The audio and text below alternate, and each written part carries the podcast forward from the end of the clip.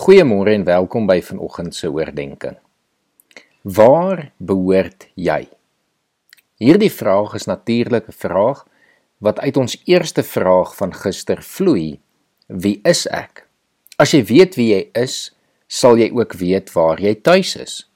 As ek byvoorbeeld die blou bulle ondersteun, sal ek tuis wees op loftes en dit sal voel of ek daar behoort, want ek is 'n blou bul ondersteuner.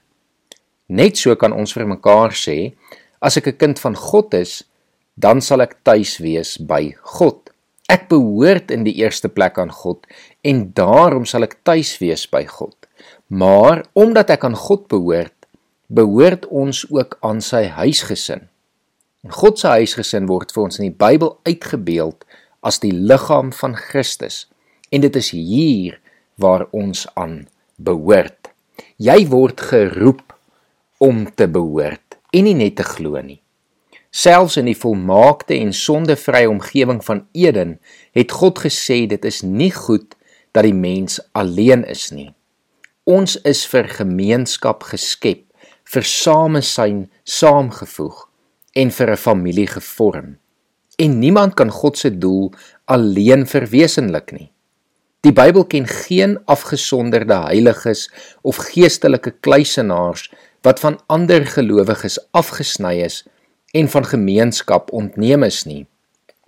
Die Bybel sê ons is saam, saamgevoeg, saamgebou, saamlede, saam erfgename, saamgepas, saamgehou en sal saam ontvang word. Jy is nie alleen nie. Jou verhouding met God is persoonlik, maar God wil nie hê dit moet privaat wees nie. In God se familie is jy met elke ander gelowige verbind en ons sal vir ewig aan mekaar behoort. Die Bybel sê net so is ons, al is ons baie in Christus een liggaam en almal afsonderlik lede van mekaar. As ons Christus volg, beteken dit ons behoort en nie net dat ons glo nie.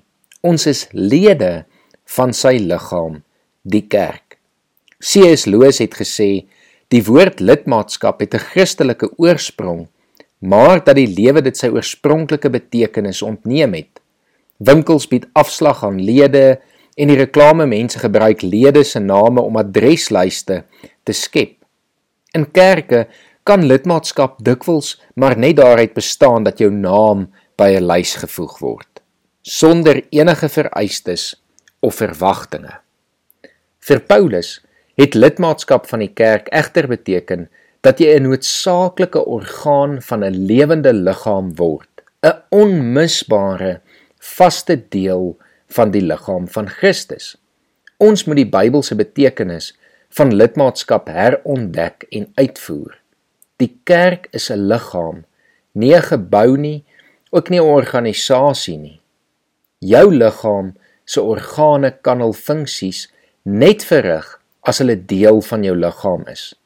Dieselfde geld vir jou as deel van Christus se liggaam. Jy is vir 'n bepaalde rol geskep, maar jy gaan die tweede doel van jou lewe misloop as jy nie aan 'n lewende plaaslike gemeente behoort nie, die gemeenskap van die heiliges.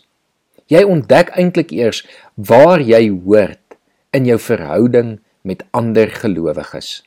Die Bybel sê ons het baie lede in een liggaam en die lede het nie almal dieselfde funksie nie. Net so is ons al is ons baie in Christus een liggaam en almal afsonderlik van mekaar. As 'n orgaan van die liggaam afgesny word, sal dit verskrompel en doodgaan. Dit kan nie op sy eie bestaan nie. Dit is waarom ongereelde bywoning van dienste en ander byeenkomste van gelowiges gewoonlik die eerste teken van geestelike ondergang is. Wanneer ons oor gemeenskap onverskillig raak, begin al die ander dinge ook agteruitgaan.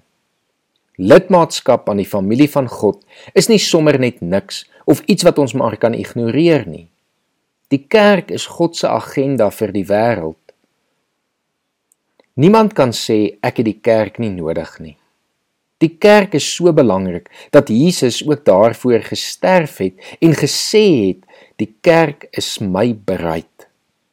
Christus se liggaam is dit so belangrik vir elke gelowige dat ons sal besef ons is daar geplaas om aan mekaar te behoort vir mekaar om God te kan dien. Die Bybel sê julle moet alle mense respekteer en julle medegelowiges lief hê.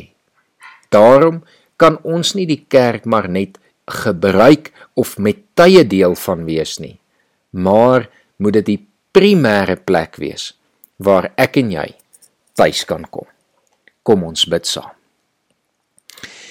Here, dankie dat U vir ons uitgenooi het om deel te wees van U huishouding.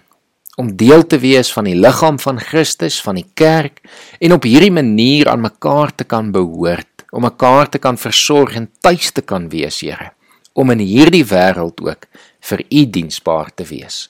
Help ons en lei ons in hierdie taak. Ons bid dit in Jesus se naam. Amen.